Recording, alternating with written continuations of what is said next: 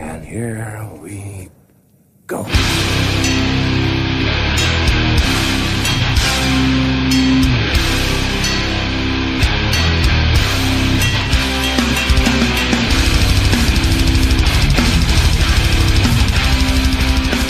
Vi är på noll, avsnitt 14.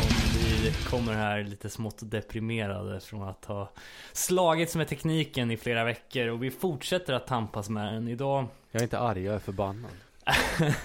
Idag hade vi faktiskt eh, celebert besök planerat Men vi fick, jag har fått ställa in det flera gånger och vi är jätteledsna för det Men eh, vi kan väl eh, ha som en morot framöver att det kommer att ske eh, Vi kommer få rulla på, ånga på så gott vi kan idag eh, Jag Robin Lindahl sitter här med Danne Nätterdal Hej hej.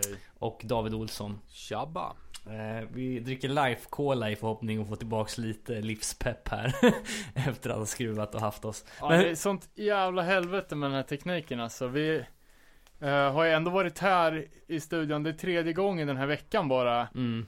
Ett misslyckat inspelningsförsök och sen en riktig jävla klinik där vi har plockat isär med hjälp av expertis hela jävla anläggning och skruvat ihop den igen.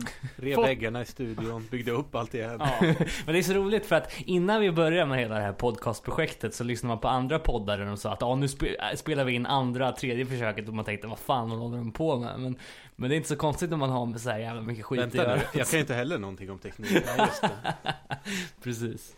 eh, men vi har ju alltså avverkat nu två mixerbord och MBV har lovat att köpa in ett nytt tredje. Ett digitalt eh, top of the line mixerbord. Som Eh, inte heller kommer funka, men det...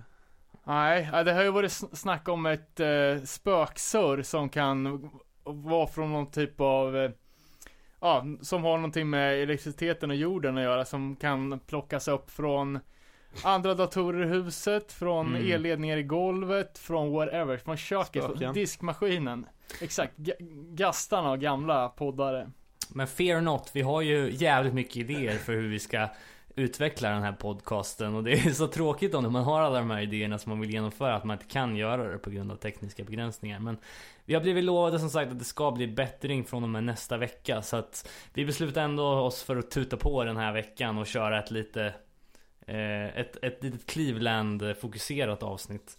Eh, men vi ska börja som vanligt med feedback från förra gången vi körde. Eh, Ja, just det. Och förra gången var ju ett eh, spontanavsnitt eftersom vi inte kunde göra Cleveland-avsnittet då. Precis. Eh, vi har inte haft jättemycket feedback. Däremot hade jag en jävligt kul anekdot från beef-avsnittet här som jag glömde berätta. Eh, och det var ju när jag snackade med Erik från Millencolin om eh, om Joel Rifkin och hans eh, seriemördande och Seinfeld-medverkan och så vidare. Eh, då sa ju Erik även att eh, att Millencolin minsann också hade haft ett beef med eh, framförallt Pennywise men även NoFX. Som var väldigt, väldigt nära att sluta med slagsmål. Eh, och dock var ju det här ett helt ofrivilligt beef. Eh, som sprang ur att eh, eh när Millencolin släppte Penny Beach Pioneers skivan som var, det var väl 2000 blankt här för mig.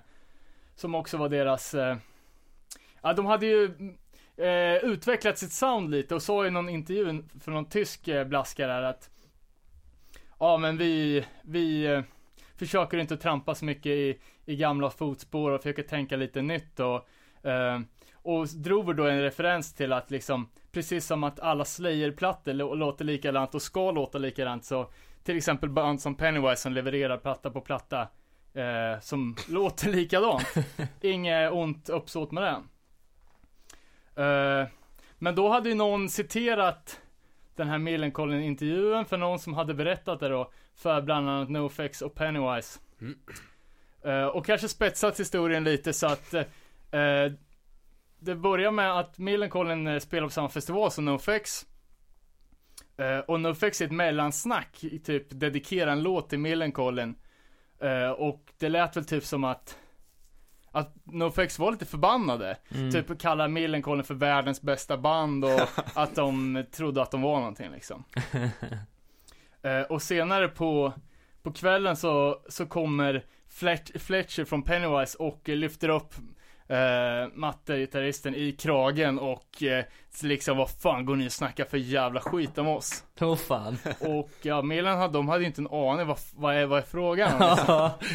Eh, så, ja, när de hade eh, Ja, de, de fick väl liksom snacka ut så att det här är typ något jävla missförstånd av ett missförstånd typ. Eh, och sen var de kompisar igen. Man får akta sin tång när man snackar med tyska pressen alltså. Ja. Vilka fan det var. Men, ja men precis, man får, får fan komma ihåg att eh, rör man sig i samma ankdamm eh, så kommer man ju få stöta på de här personerna som man nu dissar ofrivilligt eller inte förr eller senare igen. Spännande. Eh, sen fick vi även tips om någon på Facebook att det finns en beef mellan Larna i 59 och Dennis Luxén. Som vi förhoppningsvis kan reda ut när Larna kommer på besök. Ja, har inte bjudit in än, men det måste vi fan göra. Det måste vi göra för fan. Ehm, Jag har inget mer info vad det är. Nej. nej, jag vill inte rota i det heller riktigt. Ehm, Det vill vi. Kom igen nu. det det måste nu. vi göra. Eh, sen hade jag lite tråkigt här förra lördagen och gjorde en compilation med de fulaste omslagen i punkhistorien och la upp i, som ett litet galleri där på våran Facebook. Mycket nasty shit där. Mycket så här, jag vet Bigfoot-vibbar liksom. Tidiga Bigfoot-sketcher såg det ut som på vissa, vissa omslag. Eller, eller någon som amatör. precis har fått tag i Photoshop och Ja, exakt. Ja, det var en, en mörk applyar alla era i, effekter på i, en, en och samma gång. i skivomslagsskapandet när, när Photoshop kom. Så bara shit vad coolt det ser ut, plastfilm. Det ser nästan verkligt ut. Bara, ja. Ja, man undrar ju hur, hur vissa tänkte alltså. Ja, jag drog ju direkt, eh, Jakob Wondesson eh, la ju upp eh, eh, bild på den första Infest-plattan som är något gräsligt. Eh, det ser ut som airbrush. Och jag tänkte direkt, jag bara ah, okej, det här var när airbrushen var ny och folk inte kunde hantera det. Eh, men det visade sig att airbrush har, det har funnits sedan 1800-talet. Så där var jag helt ute och cykla. Men vi, vi vill ha mer fula omslag. Ja, för fan. Langar dem. Ja, det, det finns ju mycket där ute. Fick även lite tips på uh, G. Allen-omslag som inte är så, så smakfulla heller. Nej, det kan jag tänka mig. Ehm, ja, något mer som kom i feedback-korgen eller? Uh, nej, jag tror att folk gillar låtarna vi spelar i alla fall. Ja, det var kul. Hörde någon som, eh, som pratade om Stim och grejer. Det skit, skiter vi ju blankt i. Faktiskt. Ehm, sen har det ju hänt en hel del sen vi såg sist. Ni har ju varit i London bland annat som vi ska komma till. Men vi kan väl börja eh, top of the list här och grejer. Ett, ett band som inte har, eller som jag tror vi citerar i något tidigare avsnitt har turnerat i över 10 år på samma demo. På CDC. fyra låtar. har äntligen släppt nya låtar. Ja, det har jag fan inte hört, men Nej. eh, det ska bli spännande. Ja, Jag tyckte Skogis sa väl eh, att det skulle vara lite eh, neometal-hållet. Ja, precis. Lite stilbyte. Men eh, jag, jag, jag tror de bara har premiärat någon låt. Och sen så ska det väl Ska komma. de turnera två år på den? Ja.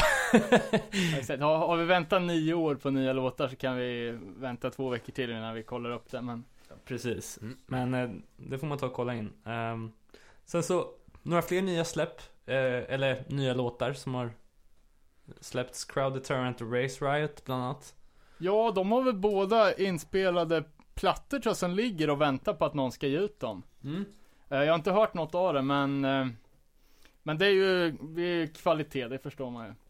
Eh, så såg jag ett nytt band med folk från bland annat Bitter End. Ja, just det. Shadow of Doubt.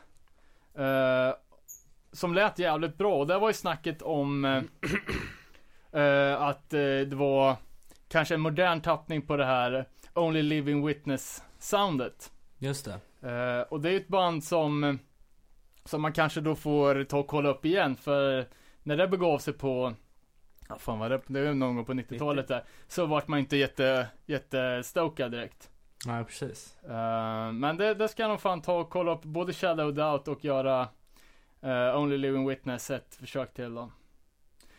Uh, så såg jag att det var pre-order uppe på ny Lifeless LP. Just Va? det. Jävligt nice. Samtidigt Vart som... Eh, det är Fast Break, alltså Wisdom in Chains killarnas bolag. Cool. Jag tror att det kom upp ungefär samtidigt som Hate 56 släppte någon ny eh, video med dem också. Eh, från ett liveklipp. Eh, kan det ha varit This is hardcore? De har ju, han är, Hate 56 har ju kört någon slags eh, upptrappning nu med att släppa det absolut sista från This is hardcore förra året.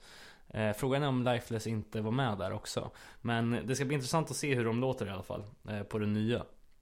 Eh, som de kommer att släppa. Ja. Fan det här är spännande för mig. Det känns som jag inte har varit ute på internet på ett tag. Jag med riktigt. Nej, sen är ju omslaget till nya Bitter End-plattan uppe. Den kan jag ha sett kanske. Eh, Är kom, den lite gulaktig eller? Jag, tyckte, jag har för mig att den var grå med en amerikansk flagga på någon eh, militär anläggning tror jag. Mm, Eh, kommer sommaren 15 i alla fall, det ser man ju verkligen fram emot. just det. Eh, så så att Disgrace har preorder på en ny platta, en fullängdare. Och det är, Disgrace är ju fyra femtedelar av Twitching Tongues som spelar mer, mer metal. Okej, Eh, hårdare, så det är bra som fan. det måste jag kolla upp.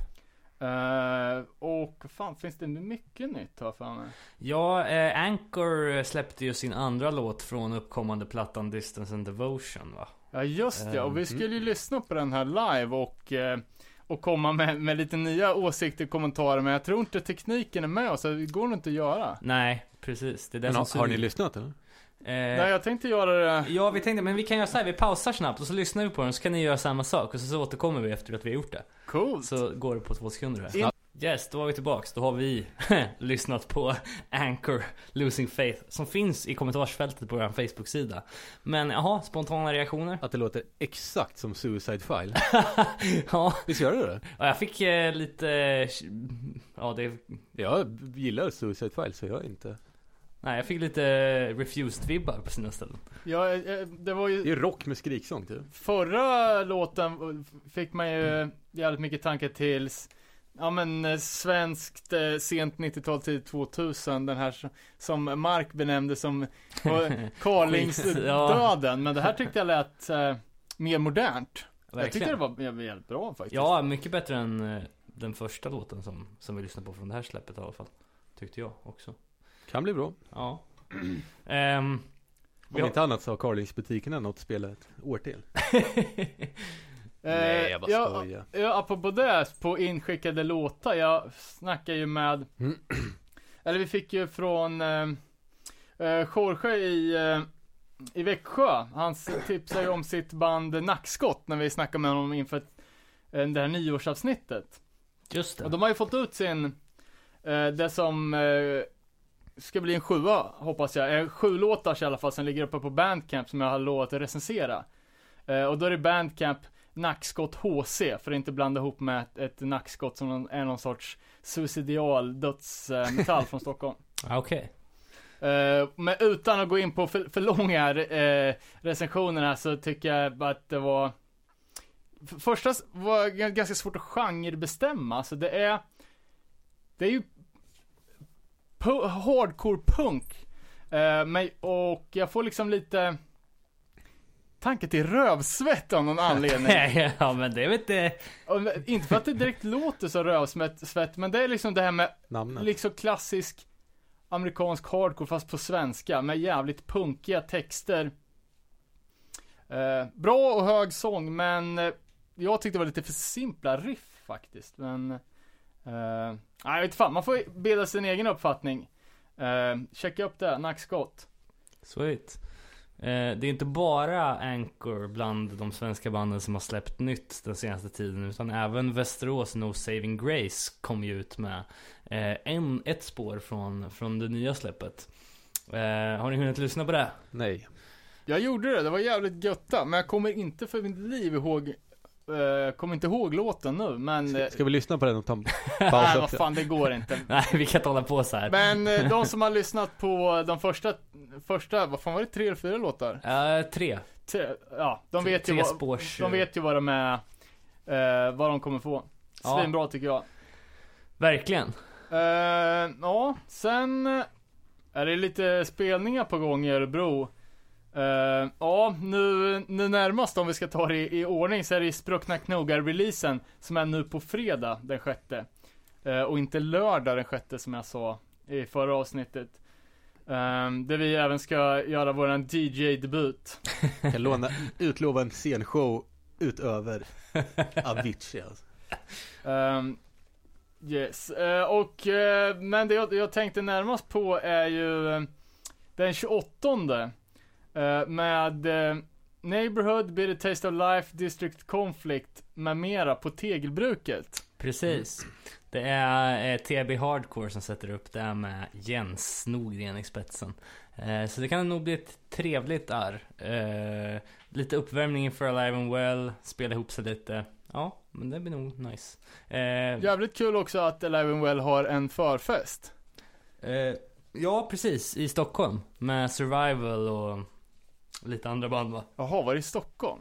ja, Gula Villan är det väl? Aha, vad, vad synd. Det är ju en timma längre bort från Örebro. Vart var efterfesten? Det borde man börja ha. Hemma hos dig? Ja, lätt. Nej men eh, och det- blir ju ehm, Det blir ju sjukt rolig vecka Alive and Well veckan där För det kommer ju lite inrest folk Jag vet inte om vi planerar att göra någon Alive and Well special med arrangörerna också och, Det ska vi lätt och, göra. och kanske fånga upp lite folk utifrån för intervjuer och sådär så att ehm, Det ska bli jävligt kul Tyvärr krockar det väl med Millencolin releasefesten. Ja precis Ehm, Det vet jag inte Ja, jag har köpt biljett till den så att Ja, Så, eh, eh, jag, jag är inbjuden. Och det är lite som, eh, som när Don Corleone bjuder på bröllop. För Det är, det är en inbjudan man inte tackar nej till.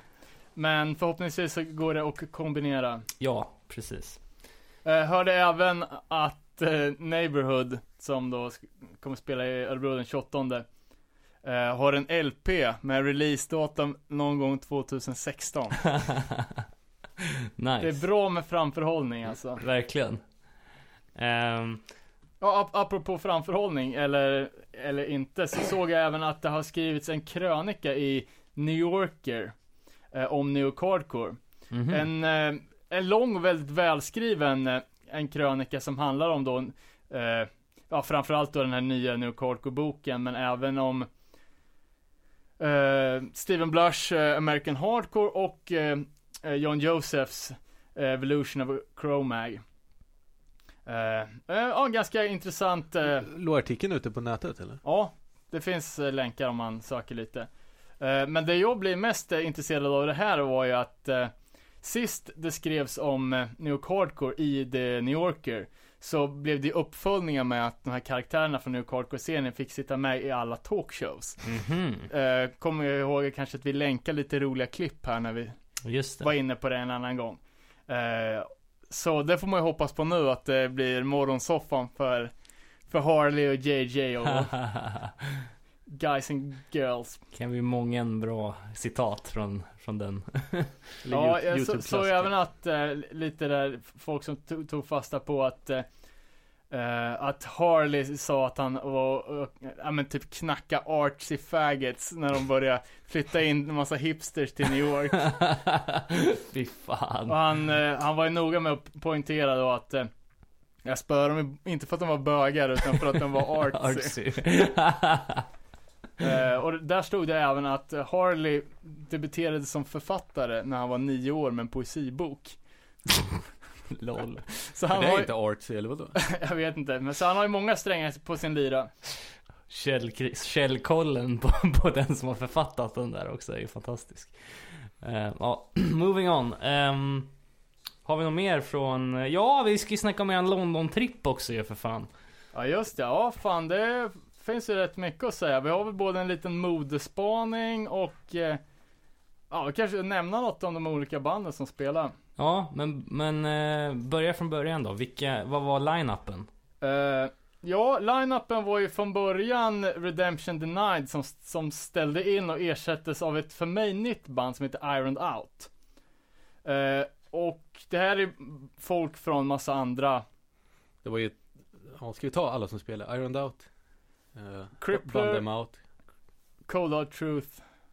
Ja, just Fury det. Five såklart. Just det.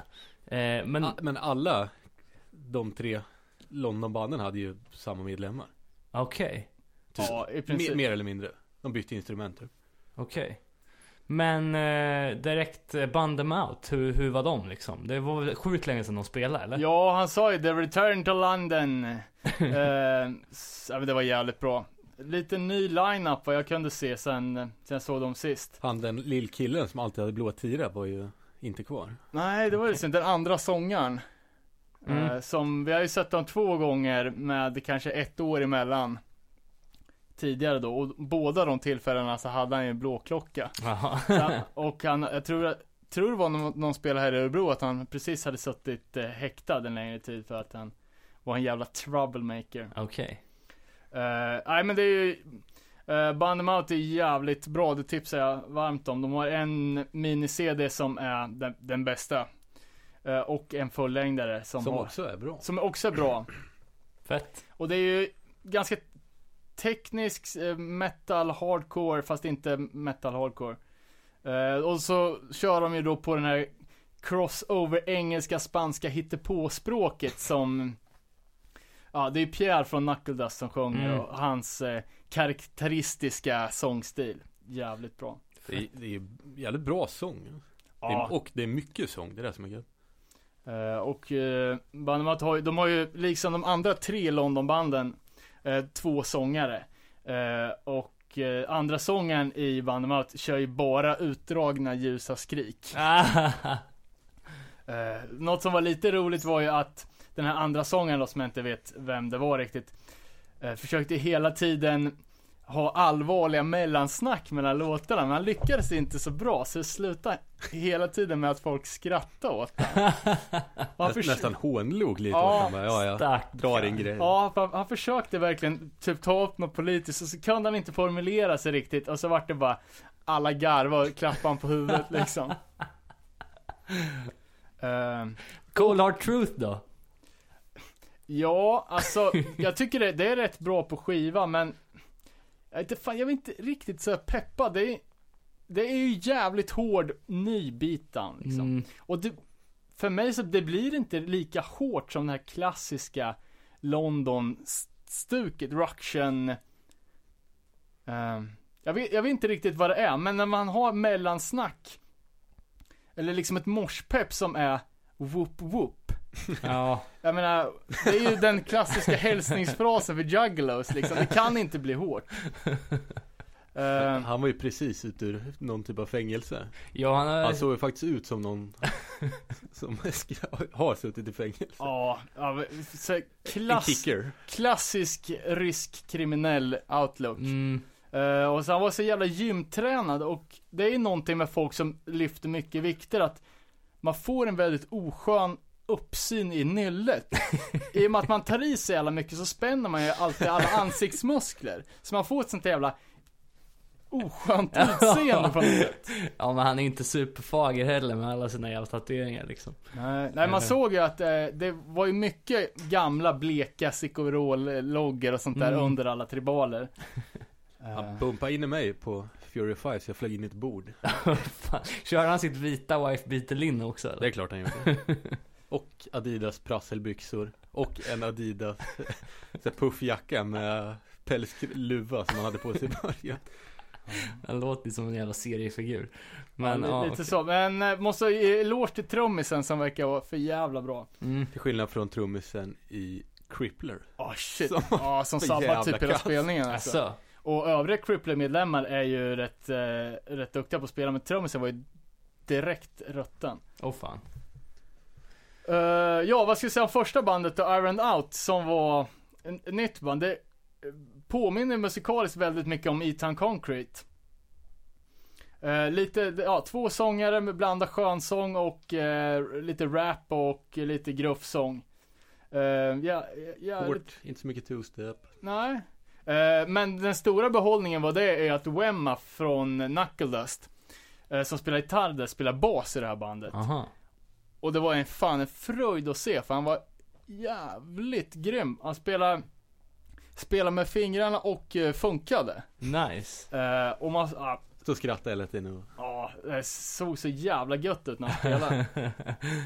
Eh, och vi har ju snackat lite om när vi pratar om Knuckle Dust, hur fan de klarar att spela när de är så jävla pårökta. Ja, Men man förstår ju att de här killarna, de är ju jävligt duktiga musiker. mm. Eh, så att de kör väl det bara för Jag berättade i podden om Pressurefest när han inte hittade sin bas och glömde gå av scen och grejer.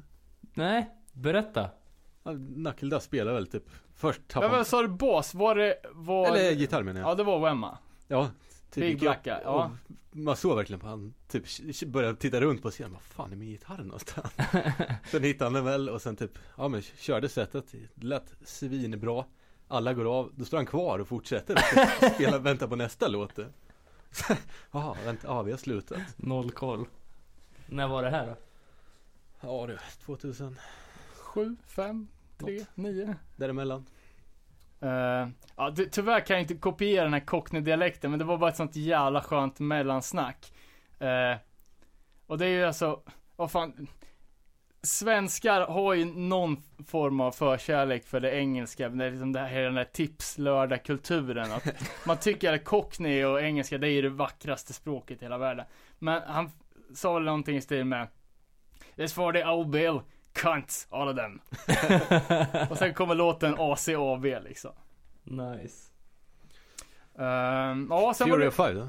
Eller ska vi, ja. ja, så, ja, ja, Nej, ta i ordning. Crippler var ju näst ut. Ehm, också två sångare. Uh, de verkar ha bytt sångare för, eh, ja, jag känner inte igen den, den nya andra sångaren. Uh, Crippler som är, som jag tycker är jävligt bra, klassiskt engelskt. Uh, engelskt snitt och det är ju ett av de nya engelska banden. Uh, bara släppt en enda platta vad jag vet, en mini-CD från 2013. Uh, Svinfett. Crippler LBU heter de. Får kolla upp. Mm. Ja, sen var det Fury då. Ehm, och det är ju Stickman med ett gäng inhyrda knäktar. Uh, massa folk från BFL. Eh, jag vet inte om man har flyttat till, Fem medlemmar och fem kam och cargobyxor på scen. ja, så jävla rätt.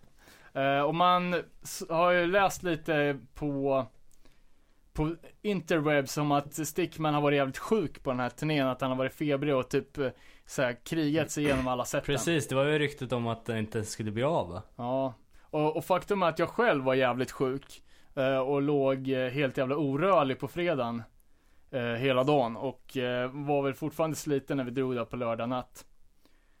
Eh, men, eh, ja, fan. Det, det går Både i- du och Stickman var i hög form. ja, på fan. söndagen. Vi, vi levererade. Eh, jag vet inte om, om han sa det. Jag stod ju längst fram för att inte bli mördad av, av människor. Vad var det på för spelställe? Det var någon typ av bar. Ja, det var ett litet ställe. Alltså Okej. det var ju kanske 100 pers där. Eh, ganska fett för att det var en eh, balkong runt hela skiten också som var jävligt låg. Så att det var liksom två nivåer med folk. Okej. Eh, så det, det var jävligt nice. Men jag vet inte om, om han sa det i micken eller om han sa det till sina polare på scen att eh, efter den här den nya låten The Real Is Back så sa han bara oh shit That was my critical point, I'm good now but I was so close to passing out Shit. Uh, I, am typ såhär, I'm, I'm safe now but oh, so close to passing out. Annan rolig detalj var att han hade en skön surflook going. Ja, Långt krulligt hår. Men, eh, spel... Och en, en till rolig detalj, att han spelar introt från sin egen telefon. ja exakt. Höll den i micken. det här eh, varningssignalen som, som är introt på eh, At War With The World. Ah. Spelar han upp från Spotify i micken från sin mobil. en mobil också som hade ett kammoskal. Men lirar de här låtar från No Reasons To Smile också eller? Första- Eh, Ja, jag kommer fan inte ihåg vilka låtar, men de spelar ju de spelar ju Tasty Steel som är med på, eh, som, som är en demolåt. Ja. Eh, och då tänkte man ju, engelsmännen gick igång som fan på den och då tänkte jag verkligen att fan vad Fury 5 demosarna har format eh, London-stuket rent Mm. Men eh, hur många datum var de gjorde på sin eh, Europaturné nu som de var ute på? För det var ganska sparsamt va? I alla fall Ja, det var Skandinavien. inte- Det var ja. bara Helsingfors och sen, sen London som var Ja, och sen Måste jag spela i Tyskland och ja, grejer. 67 spelningar i Tyskland typ. mm, en klassisk European tour. Verkligen. Eh, nej men det var jävligt fett och Eh, av någon jävla anledning så var ju, ja, själv- det var jag och Pierre och Papi från Rocktion Records. Vi var de enda som inte var två meter på det där stället tyckte jag. Och alla vevar ju så jävla hårt så man får ju liksom Ja, man får ju vara, vara glad att man kom därifrån tycker jag. Vad fan. Hon åkte in i ett bord, att det var det värsta, det var gött. Eh, Det var modespaningen då. Ja, och modespaning, alltså England generellt är ju jävligt tacky och jävligt getto. Eh, och grejer som, som inte syns i Sverige så ofta som, som var ganska vanliga grejer var ju till exempel gympapåse. Uh, en, alltså en tyg, eller en plast. En klassisk gympapåse Ja, en som man plastpåse med snöre. ja. Jag tror i och för sig att det kommer här också, men Eh, och sen tajta mjukisbrallor, korta jackor, uh, man purse. Eh, och sen var det ju Gärna om man, om man hade de korta, äh, tajta mjukisbrallorna, ha en tight tröja i samma färg. Så det är nästan en one piece stil. Eh, och sen var det en snubbe som hade eh, en GoPro-kamera i ett pannband. Eh, och sen, det är ju också kl- klassisk eh, engelsk stil med så här, steka kläderna och Mm. se ut som antingen casual-stilen eller se ut som någon sorts, eh, ja men, uh, yachtåkare liksom. Mm, mm. Eh, och sen något annat som, som man verkligen inte ser så ofta är e-ciggen. Ja, just det. jävlar, ja. Eh, och framförallt Bandemalt uh, körde hårt på den. Det var ju som de var sin egen rökmaskin med den där jävla e-ciggen. På scen också ju. Bara skicka runt den där lite. Men Jag undrar om man har ett extra öga för stereotyper när man är utomlands alltså, eller hur fan det där är. För jag tycker man alltid ser sånt där. Det var samma sak när vi spelade i Polen sist. Varenda jävla band hade ju hel, hel träningsoverall liksom. ja. Eh, Man, man hänger ju där under lång tid, känner ingen, man står i ett hörn och glor. kollar Ja. på folk. ja, exakt. Eh, men något, något som också är, skiljer sig lite från den svenska scenen är att, att det är så jävla mångkulturellt. Mm. I banden så spelar så var det ju, alltså det var ju inte många vita. Mm. Och det, alltså, det känns ju, alltså, det är konstigt att man ska bli peppad av det, men det känns i alla fall fräscht på något sätt. Ja, verkligen. Eh, jävla mix på, på folk från alla världens hörn som samlas i den här smältdegen som kallas för London. Inte bara vit medelklass. Ja, jag tror det känns generellt som att det är ganska dåligt med, med medelklass i engelska hardcore-scenen. Det känns som att alla är fan eh, rätt, rätt fattiga knegare. Mm. Ja men fett, det lät ju jävligt som ni hade jävligt kul i alla fall. Ja, svinkul. Vart ett jävligt långt, eh, nästan ett turnéreportage. Ja men det gillar vi ju. Ehm, Ja, ska vi gå in på dagens tema kanske då? yes, vi snackar Cleveland. Every time I go out of town, the kids come up to me and they ask, Is Cleveland really as fucking violent as I hear? And it's fucking true. You motherfuckers are the most violent motherfuckers I've ever seen in my life. This song goes out to you and your hate for humankind. This song is called Die Hard!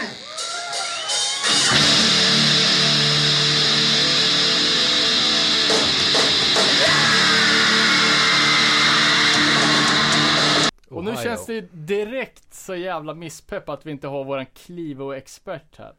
Verkligen. Eh, men det är ju en eh, dokumentär om Cleveland-scenen på gång. Mm. Och jag menar, det vi kommer göra idag, det är väl mer att skrapa på ytan av de mest influentiella banden. Säger man så? Säger man inte inflytelserika? men ja. Första lät bättre. Eh, men... Du ska inte tveka, bara säg och sen. Ja, men exakt. Eh, men eh, vi kommer prata om eh, lite viktiga band för Cleveland-scenen och försöka knyta ihop det i någon slags röd tråd här. Eh, Ja, ja, apropå röd tråd där så inför när vi skulle göra Cleveland-avsnittet första gången så gjorde jag ju en liten graf här på, på, på folk som har spelat i olika band och hur de här banden hänger ihop. ja, och den finns väl att spana in på våran Facebook-sida va? Precis, och eh, jag började då med att lista alla medlemmar. Eh, man kan ju tänka då att till exempel Integrity som man får väl kalla för moderskeppet i Clevo Hardcore. Eh, att, eh, eh, de har ju haft ungefär 40 medlemmar under tiden som har gått. Mm. Eh, så då blev det helt plötsligt att alla har ju spelat i alla band. Eh, så jag strök den idén och listade helt enkelt folk som har spelat samtidigt under en, ett visst släpp. Och ja, drog lite pilar mellan Mm. både det ena och det andra bandet. Eh, man, man, vad man kan eh, utläsa av det här är väl att eh, det, liksom det första bandet eh, i den nya vågen av Clivo Hardcore som är från, ja men alltså början på 90-talet är ju Integrity. Mm, mm. Och eh, den line-upen som eh, som egentligen var Die Hard från början Som sen bytte namn till Integrity har ju Har ju eh, Kan man väl säga Varit roten till alla efterkommande band. Och den absolut röda tråden är ju Melnick-brorsorna Med Aaron på gitarr det är Gitarrguden Och eh, Leon som är Som spelar bas i de flesta banden. Som de två har ju spelat i I princip alla alla Clevo-band eh, Sen finns det dock ett brödrapar till som är eh, Bröderna Urba Just Eh, det. som- Tony och... Tony och Chris Urba som vi inte kommer gå in på så mycket på deras band. eh, så det tror jag vi sparar till, till, näs, till nästa Clivo-avsnitt. Det tycker jag verkligen. Eh, ja, vad fan, var, var ska vi börja? Ska vi... eh, Så Integrity är ju den stora, den stora biten. Ska vi börja med något annat band kanske? Ja, eh, vi kanske skulle kunna börja med One Life Crew då? Kontroversernas band. Ja, men verkligen. Eh, Vad menar du då? ja, det ska vi strax eh, få höra lite prov på. Men eh, jag tänkte vi skulle börja med att bara, för de som inte känner till dem, eh, så är ju One Life Crew ett straight edge hardcore-band. Eh, som eh, ja, bildades i Cleveland runt 94. Eh, och bestod ju då bland annat av Chubby Fresh som var med i Integrity. Eh, från början där. Eh, men eh, framförallt då eh, Steve Murad på sång. Eh, Blaze Tishko på gitarr. Eh, och eh, eh John Toad på bas. Eh, och då Anthony Pines, a.k.a. Chubby Fresh på trummor. Eh, och eh, man kan ju säga att det är, hela, hela One Life Crew kommer ju då dels från eh, eh, Confront som var bandet innan men också ett annat band som heter Mean Streak som väl var Murads gamla band innan de blev One Life Crew. Ja, precis. Det är väl i princip eh, One Life Crew som bara har bytt namn på grund av beef med namnbråk med ett metalband som hette också så. Eh, och eh, vad jag vet så har inte Minstrix släppt någonting förutom en låt på På den legendariska samlingen Only the Strong. Just det.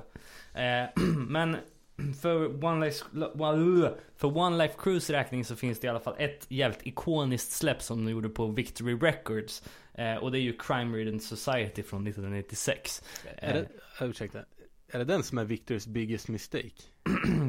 Eh, ja, det, det får, det men- får du fråga, fråga Victory om men... Nej men det är någon grej. De typ la i lappar i alla skivor och skrev så här. This is in- Ja, ja. Integrity's biggest mistake. Eller var det någon Integrity skiva? Nej, ja absolut. Eh, Jag vet inte, du Robin är ju lite ordförande för den här punkten. Du har Ja men alltså, nej men alltså fyll i om du har grejer för att eh, liksom Jag vet ju bara att de efter att de ham- efter att Victory och OLC började beefa eller ja det blev strul mellan dem på av anledningar som jag ska komma till så så konfiskerar de ju samtliga exemplar av den här skivan som de hade kvar. Um... Ja, ryktet säger ju att efter att eh, uh, Victory kickade ut One Life så förstörde de alla alla ex av CDn, LPn och kassetten. Uh, sen vet man väl inte hur hur det är med sanningshalten i det. Jag menar, Victory Tony Brummel eh, har ju en ganska eh, ganska dåligt rykte för att gilla att tjäna pengar så att eh, eh, att de slängde alla de här skivorna Så när Mikey Hood skrev någonting till Tony nu i, tror det var veckan. Nej? Någon lång harang om värdelös han var. Me- Meet me in the streets. Typ. Ja, Hoods har ju en skiva som heter The King is Dead som handlar om Som handlar om att skivbolagskungen Victory är, är döda och kan dra åt helvete typ. mm. Jag tror det inlägget handlade i princip om att de hade fått lite pengar för någonting. Eh, ja, jag vet inte, ska jag dra Men- One Life uh, Victory Records grejen eller? Eh, ja, alltså... Go ahead. Eh, ja, eh, alltså man kan väl säga att eh, det börjar väl osa lite katt eh, om, eh, om One Life Crew efter att de släppte den första plattan. Eller minisedeln. Eh, på grund av att det finns väldigt rasistiska undertoner. Ja, eh, bland annat låten Pure Disgust är ju mången omstridd låt och sägs väl vara det som blev upptrappningen till. Precis. Eh, och det som fick bägaren att rinna över är ju eh, under en, en spelning på Cleveland Hardcore Fest så backar de väl upp den här låten med väldigt dåliga argument och det resulterar i ett riktigt jävla rallarslagsmål eh, med band och med publik där också eh, ja, det sades mycket konstiga saker. Och det här gjorde ju att Victory Records eh, kickar dem på, på, på plats i princip och då eh, Ja, först gick ut och skrev ett långt ursäktarbrev som de skickade till alla sina mailorderkunder. Uh, eh, och, så, och så vidare. Ja, eh, om jag får fylla i det bara lite så. Det finns ju faktiskt på, eh, på film det här eh, slagsmålet som hände på, på Cleveland Hardcore Festival. Och det är ju ganska roligt där för de inleder ju med Murdario Stomp. Men sen så kör, kör de ju sin, eh, kör de ju Pure, Pure Disgust. Och precis innan de drar igång med Pure Disgust så skriker, eh, skriker sångaren att Get the fuck out of my country. och det får ju, man ser ju att folk går liksom igång. Att när Murad skriker det, att folk bara så här. Men sen är det ändå folk som börjar sjunga med, men helt plötsligt hoppar en snubbe upp och ger honom fingret och då, det är då det liksom ehm, Braka lös. Ja, ehm, och som du sa, Victory Records skickar ut tusen printade kort med förklaringar till varför de har lagt ner skivan.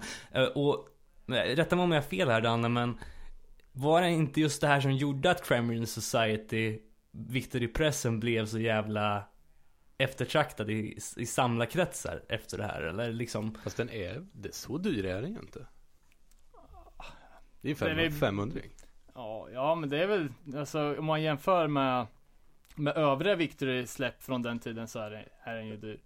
Eh, och det har ju säkert blivit, alltså det här är ju en del av myten One Life Crew. De är ju Mm. kanske ett av de mest omtalade omtalade banden. En annan del av den där myten som kom ur att de droppade från Victory var väl det här att han eh, eh, Trummisen hade börjat typ prank-calla eh, massa eh, högprofilband som låg på Victory Records, typ Earth Crisis och ja, jag vet fan vilka det var mer men, men Snapcase. jag försökte, försökte leta på de här inspelningarna men det var ju svårt Ja, att men- få tag i. Sa vi inte det sist att, att eh, jag hade hittat en tejp med hans busringningar? Ja, okej, okej. Eh, eller jag såg att det, det, det finns i alla fall. Mm. Att det är någon som haft dem och pressat upp på en kassett här Alright. senare. Vi bör ju få tag i dem alltså till nästa avsnitt Ja, kanske. det borde ju asfett. Jag kan även säga, säga att eh, Crime Reading Society är en raritet, att den är dyr. Lite kul anekdot när jag och eh, brorsan och några polare skulle åka och kolla på Onkel Konkel. så hade vi ett litet pitstop i Västerås och eh, gled in på den lokala skivbutiken och brorsan köpte Köpte Crime Reading på CD för 20 spänn. Shit. Men lite i anknytning. Säga vad man vill om kontroverser hit och dit. Det är jävligt bra låtar. Ja men det är ju det. Det var ju alltså, jag, jag kom i kontakt med One Life Crew första gången när jag eh, köpte samlingssedeln Victory Style eh, på Rock Records någon gång på 90-talet med bytt prislapp. Eh, och man ser den här bilden alltså när min Steve står i Tony Hilfiger-jackan och med de XR Construction Glovesen. Mm. Och den bilden är så jävla mäktig. Och alltså, säga vad man vill, men Crime in Society rent musikaliskt är det så in i helvete jävla bra. Verkligen. Sen är de väl Pure Disgust. Det är väl bara jävligt konservativ höger amerikansk politik. Ja, alltså One får har aldrig stuckit under stolen med att de, att de är, att de är republikaner. Men alltså det är ju fuck, om man ska vara helt ärlig så är det någonting som skär ganska, ganska mycket i med den låten. Och jag har själv sjungit den live när jag gästat för, eh, för band. Och alltså det, kän, det känns så här. på den tiden så, så var det ganska mycket spänningar inom svensk hardcore mellan Örebro och alla andra. Eh, och vi eh, det känns som att våra, våra band gick upp och spelade One Life Crew cover lite som att uh, fuck you till alla andra som inte kunde acceptera uh, kunde acceptera det. Uh, jag vet att uh, Dead Reprise spelade i i Göteborg och körde Medurious Stomp som ett intro och ljudtekniken direkt drog kabeln till strömmen liksom. Så jag vet, jag, jag, jag, jag fan, det är jävligt skeva texter men det, ja. det handlar ju, handlar ju om eh, om immigrationspolitiken och de har ju ungefär samma skeva resonemang som Sverigedemokraterna har att eh, eh, vi för, för guds skull inte rasister men det ska fan inte vara i mitt land. Exakt. Eh, och till, till, till ekvationen kan man ju säga då att alla i One Life Crew är ju av någon typ av eh, härkomst. Mm. Men det är då att de illegala invandrarna, det är de som ska bort liksom. Men det är ju typisk jävla republikanretorik liksom. Och det har de ju bara steppat upp på senare år. Men... Ja, ja exakt liksom. Crime Ridden Society är ju det, det enda släppet som är ett riktigt släpp. Uppföljaren, eh, American Justice är ju alltså då, då blir det ju helt plötsligt Ja, den försöker kapitalisera på sin, sin eh, liksom anti... Provocerande. PC-image liksom. Ver verkligen och... Eh, om man ska... de inte en split 7 med något? Ja, den är... På riktigt naz nazi Ja, de har släppt två split 7 en... Empire Falls och sen något. Ja, men precis. Uh, och Empire Falls sadlar ju om från ett uh, ordinärt uh, hardcoreband till att bli ett mer eller mindre uttalat white power-band liksom. Mm. Men det är ju lite roligt med om man ska gå i någon slags ordning här så American Justice är ju nästan lite av en split. För Pitboss 2000 har väl, jag vet inte hur många låtar med på den skivan men Utöver det och OLCs egna låtar och alla jävla skits och skit de har på den skivan Ja men alltså det är, inte, det är ju skits to the next level för det är ju radioteater liksom Ja och texterna på den är ju också väldigt Alltså det, Precis, om man går tillbaks till Onkel Konkel där så är det ju lite den nivån på texterna. Följt av foliehatt liksom. Är det, är det min stil som är stand-up komiker? Nej, är det Chubby va? Nej, det är John eh, Lockjaw. Jaha, just det. Ja, just det, just det.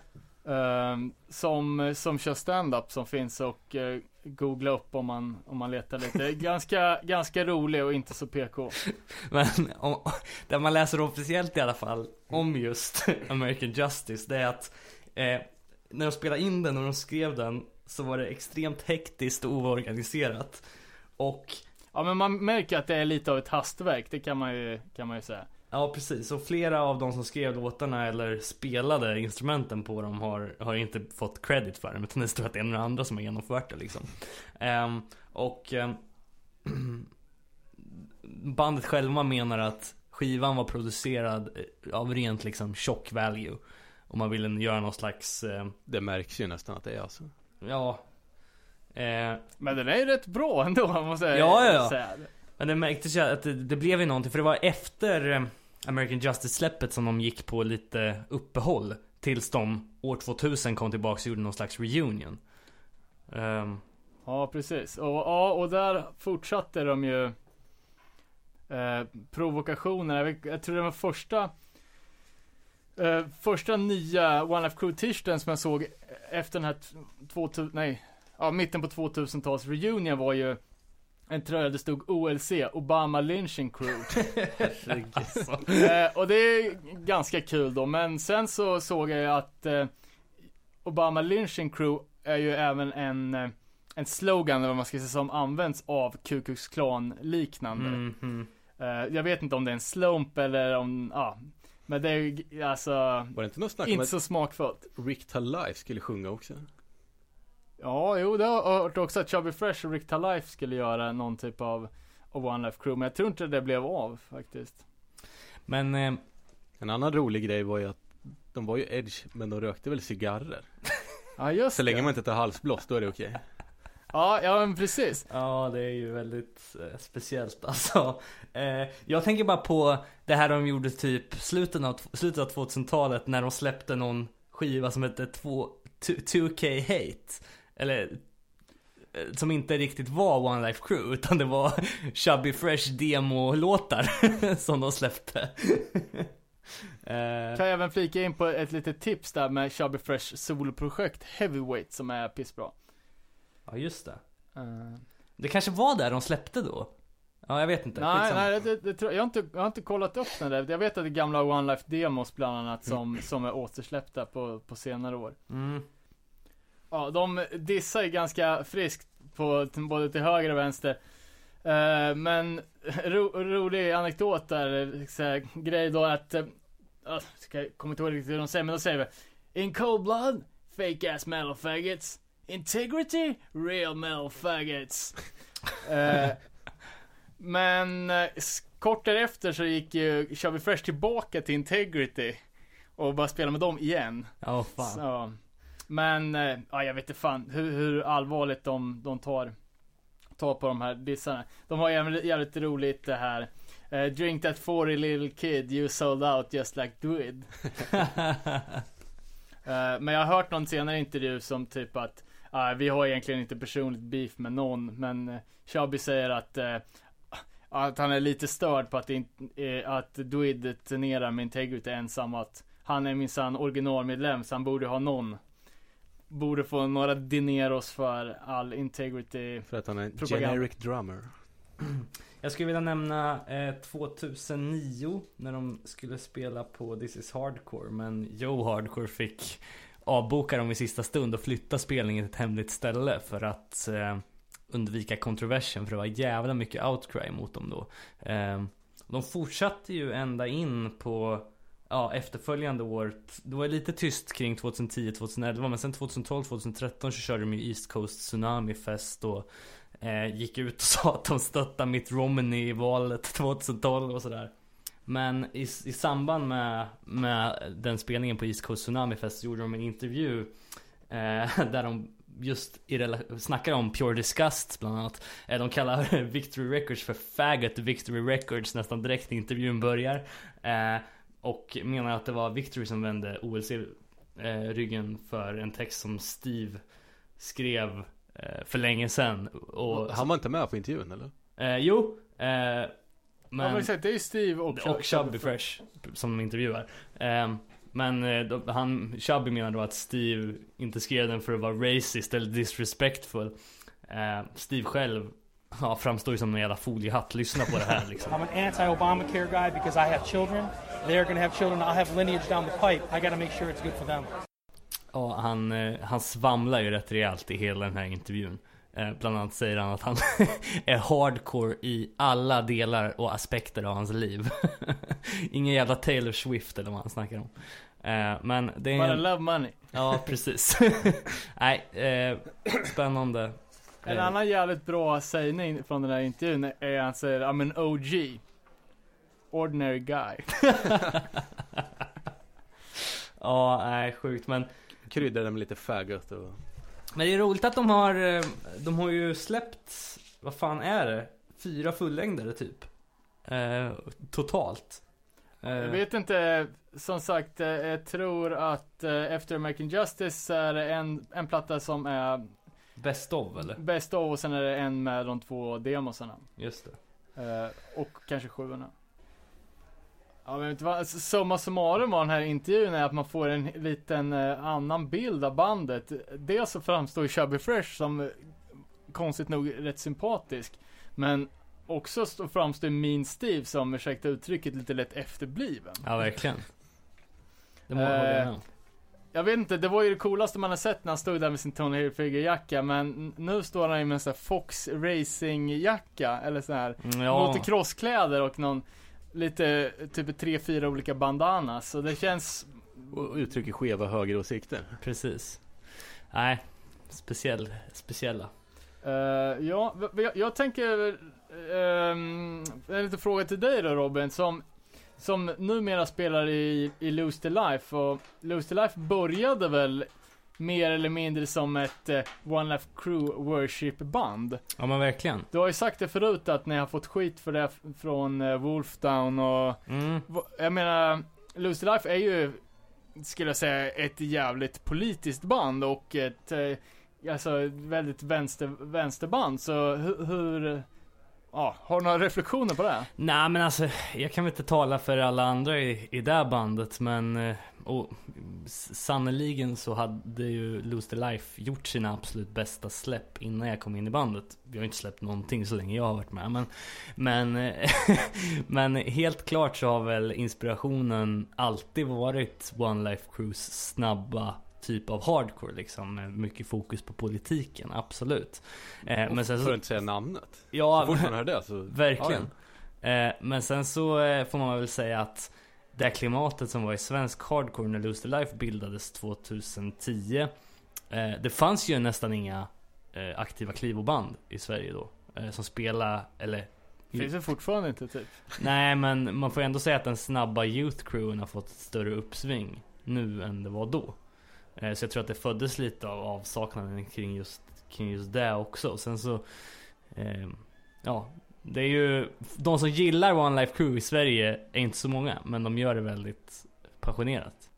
Ja, och så, som vi har sagt flera gånger förut att man behöver ju inte hålla med om alla åsikter som band man gillar har. Nej exakt. Eh, men både One Life och övriga Clivo-band är någonting som vi här i Örebro har haft varmt om hjärtat. Eh, men det känns som att kanske inte så många andra i Sverige har det. Så är det ju. Eh, ska vi gå vidare till nästa band och kanske snacka om Integrity? Ja, varför inte? Det är ju typ världens bästa band. Finns det hur mycket som helst att säga. Agreed. Eh, ja, ska vi börja från, från början? Ja, eh, absolut. Jag har jättemånga frågor sen. Men börja från början du. Jag antar att du har gjort en del research här. Ja, vi bara skriver ner lite olika tankar. Men eh, om man börjar då. Börja med första sjuan. Eh, ja, jag skulle nästan vilja börja tidigare än det. Det första de gjorde är ju Off the Bat-demon. Eh, och på den inspelningen så, så hette de ju i, eh, Die Hard. Eh, men det är samma uppsättning. Var det, var det, för- förlåt, var det Dwid som sjöng på den också då? Ja. Ja. Eh, Snygg logga. Eller snygg skiva. Uh, Off the Bat Demon är ju jävligt primitiv och eh, den finns ju som eh, eh, Den släpptes ju första gången då på CD som extra låtar på Systems Overload. Eh, men där det Integrity soundet och det som kommer bli det Clivo soundet är ju från andra demon Harder Day Fall från 1989. Mm. Just det. Och man kan ju då försöka tänka hur såg övriga hardcore-världen ut? Eh, typ 89. Alltså det här var ju mitt inne i, i den värsta ska jag inte säga, men alltså när själva den här 88 Youth Crew-vågen med positive hardcore var som störst. Eh, scenen pikade ju liksom volymmässigt i New York 1989 när de hade som, som mest band och det var ju liksom Youth of Today stuket som gällde. Eh, och senare så tog ju New Jersey och eh, västkusten över när New York-scenen dog ut lite där. Eh, men alltså, som, som Integrity lät 1989 fanns det ju ingenting som, eh, som gick att jämföra. Det fanns ju band som, som spelade alltså den tuffare stilen och hårdare stilen av liksom klassisk old school hardcore till exempel från eh, Point Blank från Orange County som släppte två sjuor första kom 1990.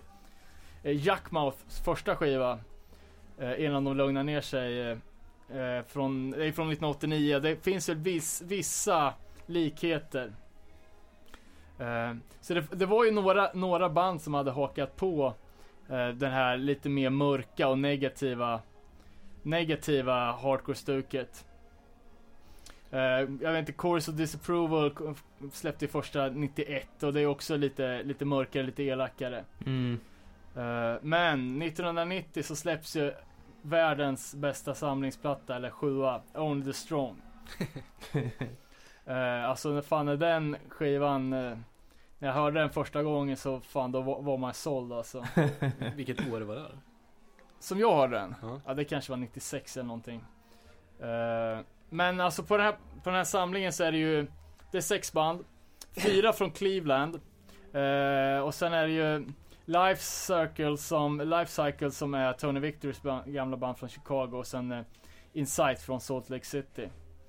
Eh, och alla de här banden har ju det här mörka, on, onda stuket liksom med, med hatisk hardcore.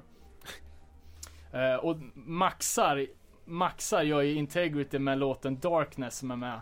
Eh, som då har de liksom, när flera band har hakat på det här soundet så tar Integrity det ännu ett steg upp och alltså med du vet den här visksången och det jävla mörkret. Mm. De kan ju själva inte varit gamla då. Eh, nej, alltså jag tror att uh, Dwid är 44-45 i dagsläget. Så de var ju ynglingar liksom. Mm. Eh, och även om uh, Integrity ofta säger att det inte finns något Cleveland Sound så så, så får man väl ändå hålla med om att uh, det är jävligt många band från Cleveland som, som har inspirerats av, av Integrity och låter ganska lika. Mm. Uh, Integrity själva är ju väldigt inspirerade av den japanska hardcore-scenen. Och ja, med band som Septic Death till exempel från Boise, Idaho. Och uh, även influenser från uh, industri och experimentell musik. Liksom sådana grejer som ingen i hardcore pysslar med på den tiden. Verkligen. Uh, och sen ja, följde de upp med en, en um, Contrast of Sin som är världens bästa sjua. Uh, blandat med låtar från, från demon och så några nya. Uh, och lite samma, samma låtar var ju med då på första fullängdaren som uh, som släpptes 1991 som eh, faktiskt kom ut på, på tre olika pressar på CD från början. Eh, och på det, då satte liksom ja, när den fullängdaren kom, då, då var ju Integrity på, på kartan liksom. Då var de kända över hela, över hela USA. Och alltså säkert över, ja, i Europa och så också. Eh, men Integ hade jävligt mycket problem med att komma ut i början. Och det är mycket, mycket beroende på att både Chubby Fresh och Dwid var notoriska skitsnackare. Uh, de startade genast beef med Pitbull som var det ledande bandet från Detroit uh, på ja, runt 1990 där. Som gjorde att Integrity inte kunde spela i Detroit. Eh, de startade beef med Chain of Strength som gjorde att de inte kunde spela i, på, på västkusten. Och de eh, de gjorde beef med både New York och Boston-scenen. Eh, så att de var hatade från, från början, inte bara för att de hade ett annat sound utan också för att de eh, Ja de snackade jävligt mycket skit om andra band och de, eh, de gillade liksom inte hardcore-scenen utan de ville köra sin egen grej. Jag har även läst att eh, Druid var en jävla prankster och att han eh, jävlades med sina polare och, eh, och så vidare. Att han eh, på någons snubbes dörr så hade han spikat fast ett mänskligt öra som han hade fått tag på någonstans. ja, jag vet, eh, ja. Jag ska inte hoppa händelserna i förväg men det känns ju som att det finns två olika läger här i Integrity Campet. Om man gillar Victory skivorna bäst eller om man är med för Death Wish nya Integrity. Um, för jag kan säga... Finns det någon som är för det nya? Ja alltså... Det är ju pissbra men... Ja, jag tycker To Die For är liksom... Jag, jag har knappt lyssnat någonting på deras Victory-skivor, ärligt talat. Men... Eh... Oj, oj, oj, oj, oj, vad du har missat alltså. Uh, nej, alltså jag tycker det, det nya är bra också, men faktiskt uh, personligen så tycker jag att det, det första är, är, är det bästa för att det finns en sån jävla känsla i det. Mm. Uh, jag vet inte, tekniken tillåter inte att vi spelar låtar riktigt. Allting som vi ska spela upp här måste vi ju Måste vi ju ha som digitala filer så mm. Vi kanske kan banga på några låtar mot Mot slutet. Alternativt så att vi lägger in dem på vår playlist. Sant. Plus att det är Steam-grejen också. Precis. Uh, men om man ska snacka om, uh, om Victory-eran som uh, som är, det väl för många liksom det som är som är integrity och deras legacy. Eh, ja, alltså det första jag hörde talas om när jag hörde integrity det var ju Humanities the Devil releasen liksom. Och det är ju också deras kändaste och eh, Alltså den mest klassiska Mm. plattan. Uh, jag läste att den har, alltså det är inte, inga jättesiffror, verkligen inte. Den sålde 15 000 ex. Eh, LPn eller? Som, Nej, alltså Totalt? totalt. Okej. Eh, låter ju spontant jävligt lite om man tänker Hur CD-klimatet var på den tiden. Men samtidigt Ja, så var det så att- jävla underground liksom. Ja, ja men precis att, att eh, en av hardcorens mest eh, legendariska plattor är, är sålt till 15 000 ex. Mm.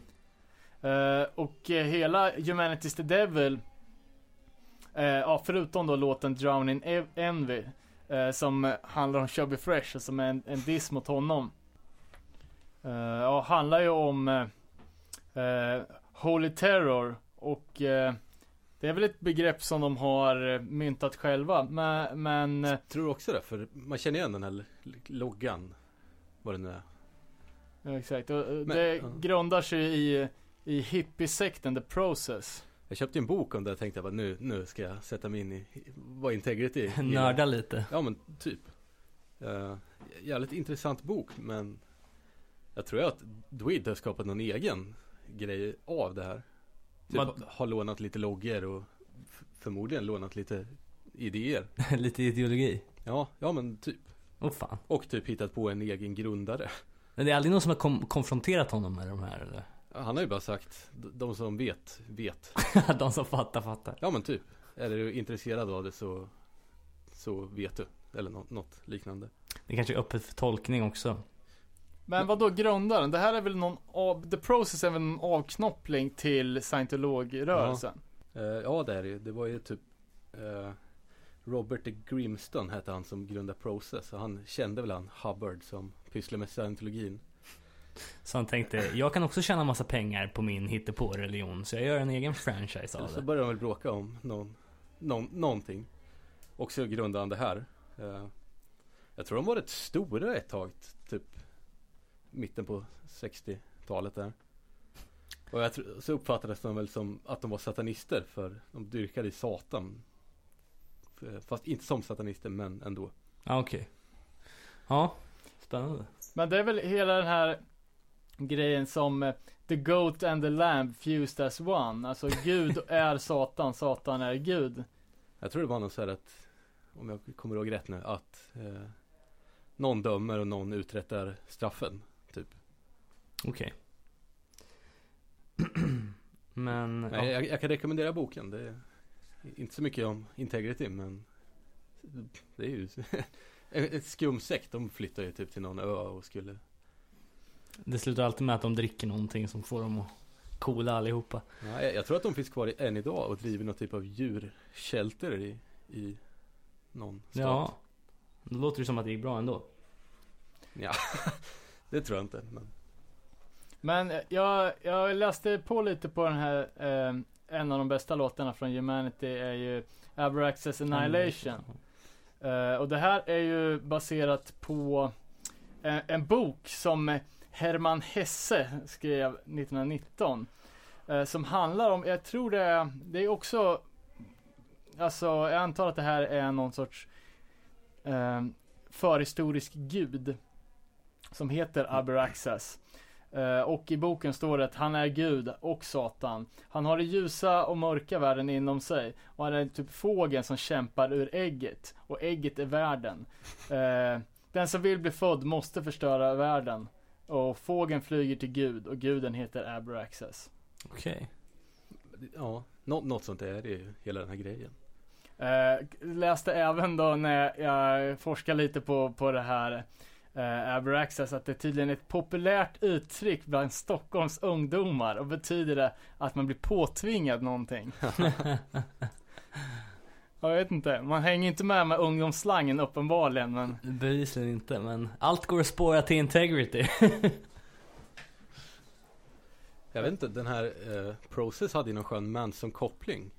Och Integrity har ju, ja, jag ska inte säga fanboys men de jobbar ju mycket med Manson. Ja, verkligen. Alltså man ser ju Manson eh, är ju fan överallt. Liksom en klassisk, jag vet inte om det är Integritys egna bild, men den här när Manson rider på Trollsländan. Ja. Eh, som det är som någon, något, eh, vad fan heter det? Helvete, ja, skitsamma, som en, något litet, en kerub med ett Manson-ansikte som rider på en, en trollslända och de har ju Manson-loggan, eh, jag kommer ihåg eh, eh, i pojkrummet så hade jag ju en svinstor affisch med Charles Mansons ansikte och en pytteliten Integrity-logga längst ner. som var från när Integrity spelade på, på Wernerrocken eh, 95 kanske. Det, det man får ge Process Church är att de hade extremt snygg estetik. Ja, verkligen. Det är, och, Mycket bra jobb av den grafiska designen där. och det är, Och det har ju Integrity också. ja, och det är väl, verkligen i linje med den här nya retro stoner eh, Ja, grejen också som, eh, som är så jävla populär nu. Ja, faktiskt. Eh, och eh, jag vet inte, det finns ju även, alltså Integrity är inte är det första bandet som, uh, som hyllade Process. Det finns ju det här 80-tals eh, industribandet eh, eh Psychic TV eller Throbbing Gristle som, eh, som de hette förut tror jag. Som grundande industrigenren. Eh, de kör ju också med Manson och eh, den här Holy Terror eller Process-loggan som Ja, ni, ni vet det, det är alltså fyra P som är, är vända som Alltså ser väl ut som någon typ av svastika. Eh, och det här är ju band som eh, Dwid liksom diggade och eh, ja, han förde in det i, i, i sin egen kontext liksom. Mm. Eh, och jag vet inte, eh, alltså, ja, Manson finns ju, finns ju överallt på, eh, på To Die For 10 så är ju alla eh, kvinnorna i Manson-familjen på, på stora porträtt och de har ju den här eh, Palm Sunday live-plattan så har de ju Sista Nattvarden, den klassiska målningen med Mansons ansikte instoppat och på den live-DVDn är det ju hur mycket klipp som helst med de där. Ja men det, ja. DVDn ja. Ja. Ja, ja, precis. Eh, och uh, den sjuan, Walpurgisnacht eller Valborgsmässoafton som det heter på svenska. Eh, det är ju också när, det är väl någon jävla Manson-figur som sitter framför Kreml om jag inte minns fel. Också rätt snygg. Precis. Ful, fulsnygg. Eh, och eh, Charles Manson har även släppt en sjua på Dwids egna bolag, Holy Terror Records. Inner Sanctum. Den har jag köpt. Det är jävligt konstigt va? Ja, det är inte jättebra.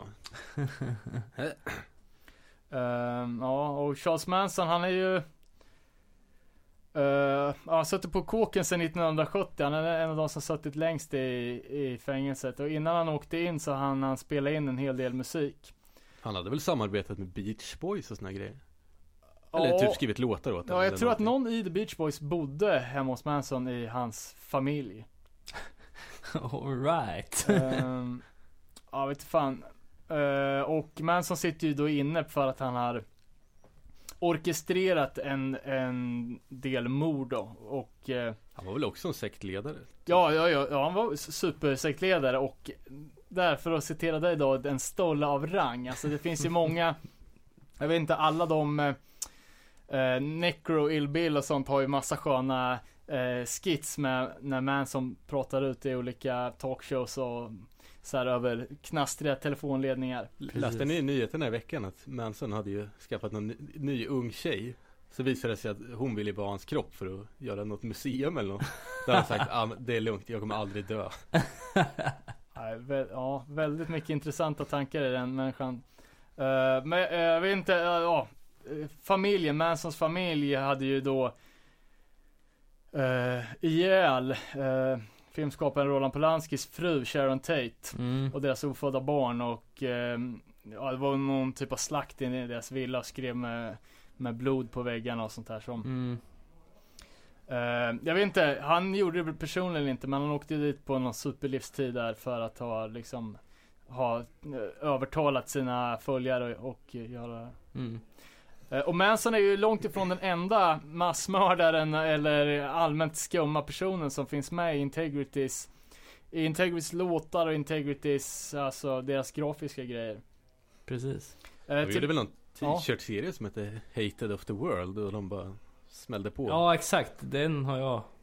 Det var Typ den jag han med solbrillorna, vad heter han? Skit i det. Ja, precis. Solbrillorna. Jim Jones heter är han. Jim Jones ja, från Folkets, Folkets Tempel som, eh, de har de ju även en låt, det är sista låten på Seasons and Decisive Days. Eh, Burning Flesh, Children to Mist, där det är hela deras sista predikan. Eh, mixat med calypso-musik. 27,5 minut lång va, eller något sånt där? Ja, den är väl, väldigt, väldigt lång och väldigt makaber. Eh, det är ju då sekten Folkets Tempel som bodde någonstans ute i djungeln och som slutade med, med ett massjälvmord när 913 pers drack cyanid. Eh, iförda Adidas eh, overaller typ och tog livet av sig. Eh, och den här låten finns även på en nysläppt kassett som jag är på jakt efter. Eh, en av de få Integrity-släppen som jag inte har än. Fan. N- När började Integrity sluta använda enkelven? Eller slutade använda dubbelven menar jag. Precis, det var det. Ja, och varför? Har det någonting med the Jag, jag har inte process hittat något i the process att du absolut aldrig får skriva ett W. Eh, ja, alltså det, det här är ju efter uh, Walpurgisnacht. Eh, och innan eh, Innan, vad fan heter första Suicide Black Snake. Så någonstans däremellan så slutar de ju använda W. Jag vet inte varför. Kanske någon där ute som vet. Uh, ja men precis, den här Hater of the World, har ju Hater of the World-serien med t-shirtar är ju Bland annat den här, jag kan inte uttala namnet, Aku Sharioko kanske. Uh, ledaren för domdagssekten som släppte ut uh, sarin i Japans tunnelbanesystem. Uh, och de har ju också en, en låt då som heter Sarin. Som är med på Cyware-splitten. Eh, och när de raidade den här sektens eh, eh, lilla mansion där så hittade de i sarin tillräckligt för att döda fyra miljoner människor. Och en Integrity testpress. Ja, jag vet inte. Cywarfare är ju också ett, det är ju Dwids enmansprojekt när han gör Har du lyssnat på det här Robin? sjuka grejer. ja... Det är ju ett vapen. Ja, jag tycker jag känner igen det från någonstans, men jag vet fan om jag har hört det. Jag tror det, han grundade det för att typ han gick förbi någon där CIA använde konstig, konstiga ljud för att försöka få ut eh, terrorister eller något ur någon byggnad. För Mhm. han tänkte bara, "Äh, det här, är, det, här är, det här kan jag göra tusen gånger bättre. Åh fan. Så alltså, det, är o, det är oljud bara. Ja, okej. Eh, ja, det märker man i Dwids fascination för den här industrin och experimentella och eh, jag vet i eh, det här Blood Book-fanzinet som, eh, som Dwid och eh, Tony Urba och några till hade eh, har de ju en intervju med eh, med en japan som sysslat med experimentell musik som är det jävla sjukaste. alltså det är så Är, konstigt. är det värre än Psych Warfare? Eh, det är inte alls så outhärdligt. Det är bara så, det är så extremt konstigt så att du kan inte tänka det. Alltså, det är ett, ett litet, en låt då, som faktiskt finns på Spotify. Jag ska leta på det sen. Det är liksom ett klick som upprepas med jämna mellanrum. Och vi kanske snackar alltså typ sex sekunder mellan varje klick. Och som långsamt ökar i tempo. Ja, det är så konstiga grejer så att det är helt sjukt.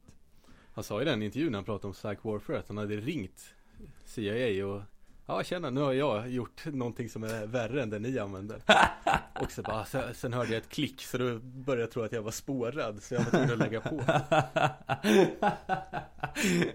Det roligaste jag har hört. Eh, och eh, kul fakta där från den här Cyware Cywarfare uh, Integrity Splitten att på på den så är det en varningsetikett med att man inte får spela den om man har husdjur eller epileptiker i huset. Jag gillar att så många skivor av Integrity innehåller så konstiga slutspår alltså. Eh, Antingen är det konstiga låttitlar eller så är det jävligt konstiga låtar. Ehm, Allt från den här Burning Flesh, Children to Mist till från Closure, Lemurb. som, som är en minut och 22 sekunder. De gör ju sin, e- eller de, nu är det ju bara Dwid men De gör ju sin egen grej, har ju Mm. typ en egen estetik Det är inte Verkligen. ett par nya Nike sneakers och en Nej, nej, nej, verkligen inte. En annan skön karaktär som är med i Blood Book-scenet är ju allkonstnären Boyd Rice. Är någon ni har koll på? Nej. Från en nazist. Ja, han är, blir väldigt ofta benämnd som fascist. eh, Och han kör ju väldigt hårt med nazi-estetiken får man väl säga. Eh, Och mycket fascistflörtande. Eh, Han har en, han gör allt möjligt i alla konstig, alltså konst, installationskonst och musik och han har en låt där, där han säger eller så, Where is Hitler? Where is Mussolini when we need them? Come back. Vad fan. Eh, och han var även med i Church of Satan. Anton LaVeys. eh, Precis. Ja. Eh, Anton LaVey som också är en del i den här t-shirt-serien som kom nyligen. Vilket band var det som gjorde en spoof på den och hade Loved by the World? Med typ Moder Teresa och såna grejer. I samma, samma estetik. Jag vet inte, kul. Ehm, men vad fan ska jag säga om Boyd Rice? Jo, han är också en eh, förespråkare av social darwinism och eh, elitistisk misantropi. Eh, Men det låter ju som att han är satanist. Ja, jag vet inte fan vad han... Eh, alltså han, han hade ju en, han ställde ju ut på en ganska stor pop art utställning med eh, fyra målningar. Eh, som var, ja, fyra målningar på rad som var röd bakgrund. Första bokstaven är L. Eh, sen är det istället för ett O så är det en stor vit svastika på röd bakgrund och sen är det V och E. Vad fan. Um, nej, fan eh, intressant. Men han och. Tweed är väl typ polare? Ja, Känns som man har sett dem på kort ihop typ, de hänger ut någonstans. ja. Eh, ja, en annan jävligt eh, udda Bod Rice fakta är ju att han är uppfinnaren av scratching. Jaha. Eh, och det här är då helt utan någon hiphop-kontext, utan eh, Ja, som sagt, han är ju, håller på med mycket experimentella grejer. Eh, men eh, han gjorde då den första skivan som man spelar och alltså interagerar med. Så man lyssnar på hans eh, freaky jävla shit samtidigt som man eh, scratchar plattan liksom. För att, eh, ja men för att interagera med det musikaliska konstverket. Eh, också annan udda fakta är att han eh, driver en tiki-bar någonstans. Såklart, det kommer alltid någonting som är värre än det andra. Eh, och det här med tiki är ju också eh, något som Dwid diggar. Jag vet fan, man har varit ju jävligt eh, förvånad man såg foton på, på världens eh, hårdaste hardcore frontman sittandes i hawaiiskjorta och drink, dricker paraplydrinkar. Eh, men tydligen så finns det någon fascination där också. Eh, och på Season in the Size of Days-plattan så finns det inte något texthäfte till. Eh, och då, för att få det så måste man skicka in en Hawaii-skjorta till Dwid personligen. Eh, så det är smart ju. Ja, väldigt smart. Eh, Men eh, nu bor han i Belgien så det är, det är exakt. billigt i frakt. Ja. Jag vet inte om det erbjudandet gäller längre. På Cywarfare 7 Candyman så är dock texthäftet till Integrity-plattan Seasons med. Där istället. Tror ni Dwid lever på att sälja samma skiva om och om igen med lite andra omslag och grejer? Förmodligen. Alltså, Ja, de släpper ju så sinnessjukt många olika versioner av samma grejer. Ja, faktiskt. Integrity har ju släppt, ja alltså det, vi snackar ju 30-40 olika releaser. Och jag såg att det är två på gång eh, outade redan nu för 2015. Eh, två splittar med, en med pulling, nej pulling teeth, vad fan säger jag? En med power trip. Fan, det var lite otippat. Ja, verkligen. Ja. eh, Kul för dem. Som Magic Bullet kommer pressa ut. Och sen med eh, black metal-bandet Krig. Mm. Lite mer tippat. Ja, jävligt bra. Krieg har ju släppt Krieg har ju släppt på, på Holy Terror tidigare. Det var ju faktiskt jävligt fett. Ja, det är det. Ja, jag vet inte fan riktigt vart man ska, alltså det finns ju så jävla mycket eh, att snacka om. Vad, vad, säger våran klocka egentligen? Eh, klockan säger att vi är på 1.24 just nu. Eh, och jag skulle nästan kunna tänka mig att vi, vi håller det där tills nästa gång. För att vad fan, vi har ju inte snackat någonting om Ringworm. Vi har inte snackat någonting om In Cold Blood. Eh, och... Nej, och sen har vi Vi måste ha tusen grejer mer att prata om. Hela- hela Urba Just det. Ja, eh, exakt. med 8100s och Nine Shocks Terror och Ja, så tror jag säkert att våran hemliga gäst kan fylla i en del kring OLC och Integrity också. Så att... Eh, men... Ska jag bara scrolla igenom mina Integrity-anteckningar och se om vi har någonting som inte kan vänta? Var du på Integrity Linköping Robin? Alltså det var det jag skulle säga nästan direkt när vi började snacka om det här. Spelade inte de i Linköping för något år sedan eller så? Ja, det var Eh, inte alls länge sedan. Men eh, jag var nog fan dubbelbokad då. Jag tror jag var på något annat. Kan det ha varit något så pinsamt som... Typ, Skid- Skid-VM i Falun. nej men typ så här Filip och Fredriks eh, 200 podcast i Globen eller någonting Det var ju sånt. Danne också på. Nej, men han var var Linköping. inte. Nej, nej, jag vet inte fan vad det var då. Kanske var UFC eller något. Vi åkte ju så de i Oslo. När vad kan det ha varit? Ja, långt innan. Och sen något år efter spelade vi i Stockholm. Ja. Okej. På någon rätt stor arena. Jag vet inte om det kan ha varit på Frysön. Ja, lilla. Fryshuset där. Jaha.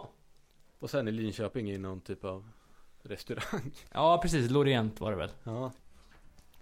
Ja. Ja, eh, men om jag ska säga någonting bara om den här Integrity 2000 eller Integ 2000 som, ah, det är väl en liten parentes i Integrity-historien. Ehm, jag vet inte, det var ju redan på Seasons-plattan så, så började ju Integrity förespråka jordens undergång på grund av millenniebuggen som var på gång. Uh, i, framförallt i låten uh, Millennial Ra- Rain. Uh, ehm, och eh, ja, som sagt. Eh, de är ju ganska sparsmakade med intervjuer, men intervjuer från sent 99 så snackar de ju om att jorden kommer gå under 2000 och så är det bara. Eh, men sen så visade det sig att jorden faktiskt gick inte under vid millennieskiftet. Eh, och då hade ju Integrity redan lagt av för att jorden skulle ändå gå under. Eh, men då återstartade de som Integrity 2000. Och gjorde en två faktiskt plattor och en split som är lite annorlunda. Men har snygga omslag måste jag säga. Ja, jävligt konstiga omslag. jävligt konstiga. De har ju en den här splitten med Ah, fuck. Se- Splitten som kom, eh, jag kommer inte ihåg vad den heter, men den är ju bara Splitter med vilka? Jag kommer inte ihåg vad fan bandet heter. Men det är ju bara en bild på massa blåa krokusar på hela omslaget. Okej. Eh, Men om man snackar Integrity 2000 omslag så det är ju, på CDn och LPn så är det ju no, det är någon typ av hologrameffekt eh, printat liksom. Och ryktet var ju att om man kollar på det här någonstans i CD-konvolutet i rätt vinkel så kunde man se en hemlig bild på någon med maskingevär och balaklava. Ungefär som den nya Rotten Hell eh, Cyberfare splitten ser ut. Mhm. Jag har dock aldrig lyckats få fram den här bilden. Hur, hur länge har du försökt? Bra länge faktiskt. Ehm, sen släppte ju även en Integ 2000 en CD som jag till dagsdatum inte heller har. Eh, som verkar jävligt skum för de fyra sista låtarna är covers. Eh, och det här är covers av Gary Newman, Billy Idol och Donna Summer. Va? Åh fan. Med typ Girls Just Wanna Have Fun. det låter ju, ja. Det låter som vi måste få fram de här låtarna på något vis. Ja, fan den, den måste, jag har ju nu börjat samla på Integrity CDs också. Så om det är någon som sitter där ute på några CDs som de vill sälja billigt så kan ni ju texta. Eh, Ja, fan det finns ju så jävla mycket att När säga. Det är- flyttade Dweed till Belgien? Vet, är det någon som vet eller? Och varför? Någonting säger mig 2003. Eh, och